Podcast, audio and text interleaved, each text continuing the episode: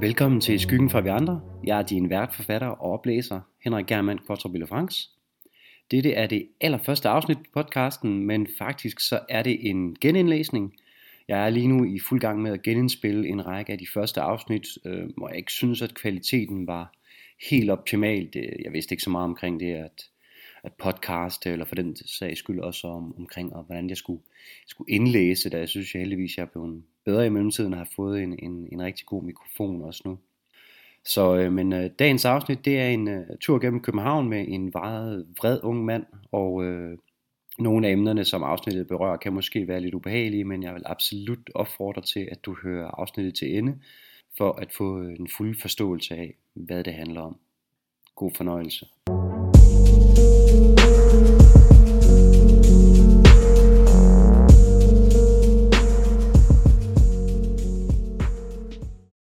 Sæson 1, afsnit 1, Møjso. Jesper er vred. Rigtigt inderligt fucking pisse vred. Og det er Tanjas skyld. Det er jo for helvede altid hendes skyld. Den dumme Møjso. Hvad kunne han ikke være blevet til, hvis ikke det var for hende? Det evige forpulede anker bundet om benet. Han trykker på speederen, rykker bilen hårdt til venstre og kører for rødt i krydset ved og Vierslev Allé. En idiot dytter, og Jesper dytter igen. Holder hornet nede i mindst et halvt minut. Han rammer den sædvanlige kø ved Carlsberg byen. Og som altid, kan ingen bilister ud over ham til synlande fatte det simple princip det er at lette røven i trafikken. Han ruller vinduet ned og råber. Fucking søndagsbilister, flyt nu for helvede jeres lortebiler! Men ingen reagerer. Hele den her møgby er fyldt med tabere. Han tager en dåse øl fra tolvpakken på passagersædet, åbner den, tager en stor slurk og stiller den mellem benene. For satan, det er sgu et tørt punkt, den rammer. Det er rart, der er noget, man stadig kan stole på her i livet. Det har været en rigtig lortedag. Den tredje i rækken af lortedage i den her uge. Det eneste, han har haft til frem til, er den ugelige omgang softball med drengene. Et par timer i den fri luft, med nogenlunde intelligente mennesker omkring sig. Og ølene bagefter. Forhåbentlig det bliver til en ordentlig druktur. Og ikke det chatpisseri, de plejer med to bajer og tidlig hjem. Hvis de da kan få lov af deres kællinger, vringer han højt ud i bilen. Han fatter ikke, hvorfor de ikke kan slå en skid, uden at skulle spørge deres kvinde om lov først. Nej, de kunne skulle lære noget af ham. Jesper siger, hvad han vil, og gør, hvad han vil, og han spørger fandme aldrig nogen om lov. Mindst af alle Tanja. Men i stedet for at hygge sig med softball, sidder han her i myldretrafikken, næsten et kvarter for sent på den. Fordi den kælling til Tanja ikke har pakket hans udstyr i bilen, som hun plejer at gøre. Han ville skulle da skide på, at der har været et alvorligt trafikuheld i Sorø. At hendes vagt trak ud, bare fordi en eller anden stiv bunderøv havde torpederet en anden bil. Det relevante faktum her er, at han kom for sent op, fordi hun ikke vækkede ham klokken 7. Men først kom daskene ind ad døren, 7.23. Ingen morgenmad eller morgenkaffe stod klar til ham. Kun fucking stress for at nå på arbejde, og stadig få en skide balle fra chefen. Jespers chef er måske det eneste menneske i verden, der er mere udulig end Tanja. Peter er en skide homotaber. Kæft, den genbrugsplads vil køre på skinner, når jeg en dag styrer lortet. En fed gamle narm og skulle gerne snart få en blodprop. Men alle Tanjas fejl til trods, så var han endda kørt forbi Cykel K-tanken i frokostpausen og havde købt en buket blomster. Han ville have givet hende den den næste morgen, når hun kom fra vagt. Han havde nok været lidt hårdhændet over den forsinkede vægtning. Ikke meget, hun havde fortjent det for fanden. Men stadig. Han var vel en gentleman. En af de få romantikere tilbage i den her lorte verden. Og da han ville putte buketten i bagagerummet, havde han opdaget, at udstyret ikke var der. Det nok stadig lå i bryggersød, hvor Tanja havde rengjort det fra sidste uge. Blomsterne var røget ud over hele parkeringspladsen. Fandme om hun fortjente dem. Endelig er han hjemme ved huset i Valby. Han parkerer i indkørslen og tømmer det sidste af sin dåsøl.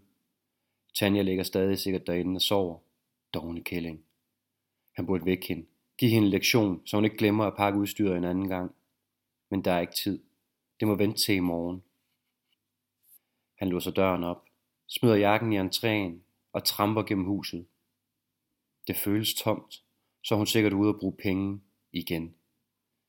Fand en frækhed hun har, at gå rundt og shoppe som fucking Julia Roberts, bare fordi at hun hiver flere overarbejdstimer hjem end ham. Han havde kraftigt været chef for hele Københavns Kommune nu, hvis ikke hun havde holdt ham tilbage med hendes udulighed. Han stopper op i stuen og kigger sig omkring. Et eller andet er ikke som det plejer. Der er noget, der føles forkert. Han hører ikke lyden bag ham. Af bare fødder, der tripper på deres tåspidser hen over gulvet. Men han fornemmer igen noget. Mærker nogen bag sig.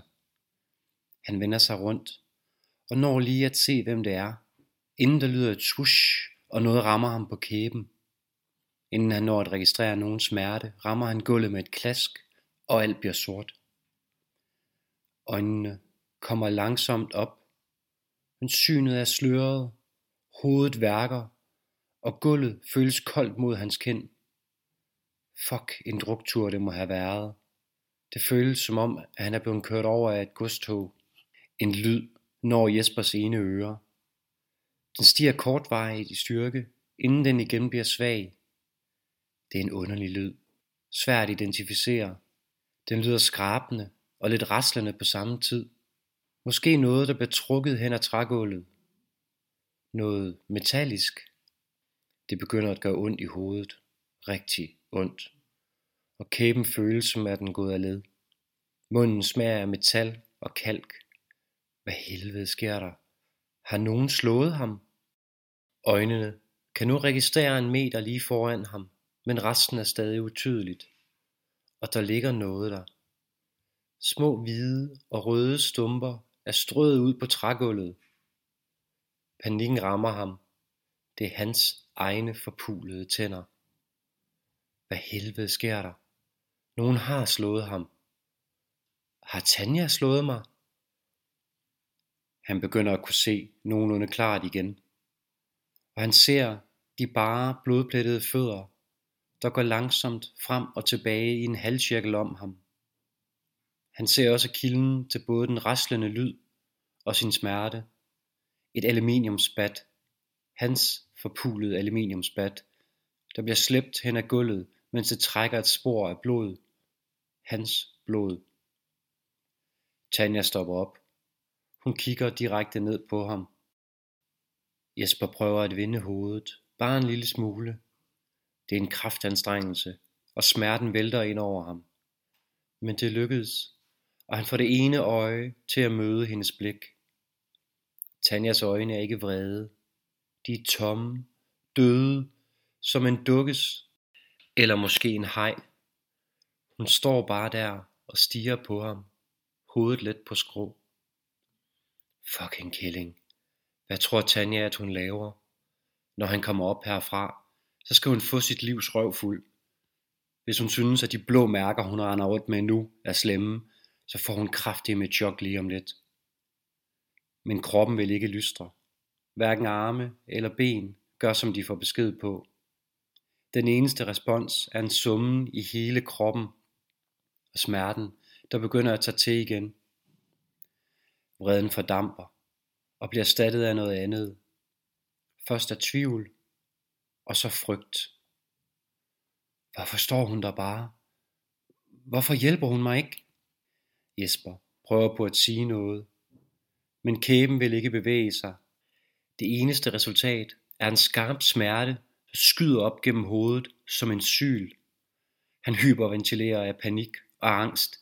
Blod og tandstumper bliver suget ned i svældet og han er ved at kaste op. Tanja siger stadig intet.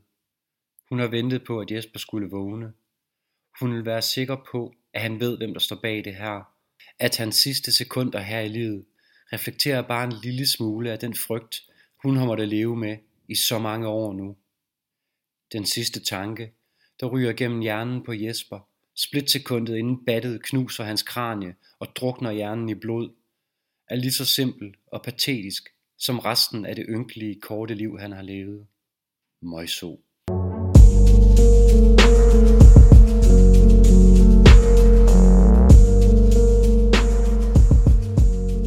Håber, at du kunne øh, lide afsnittet, og at øh, Jesper han fik, som han så absolut havde fortjent.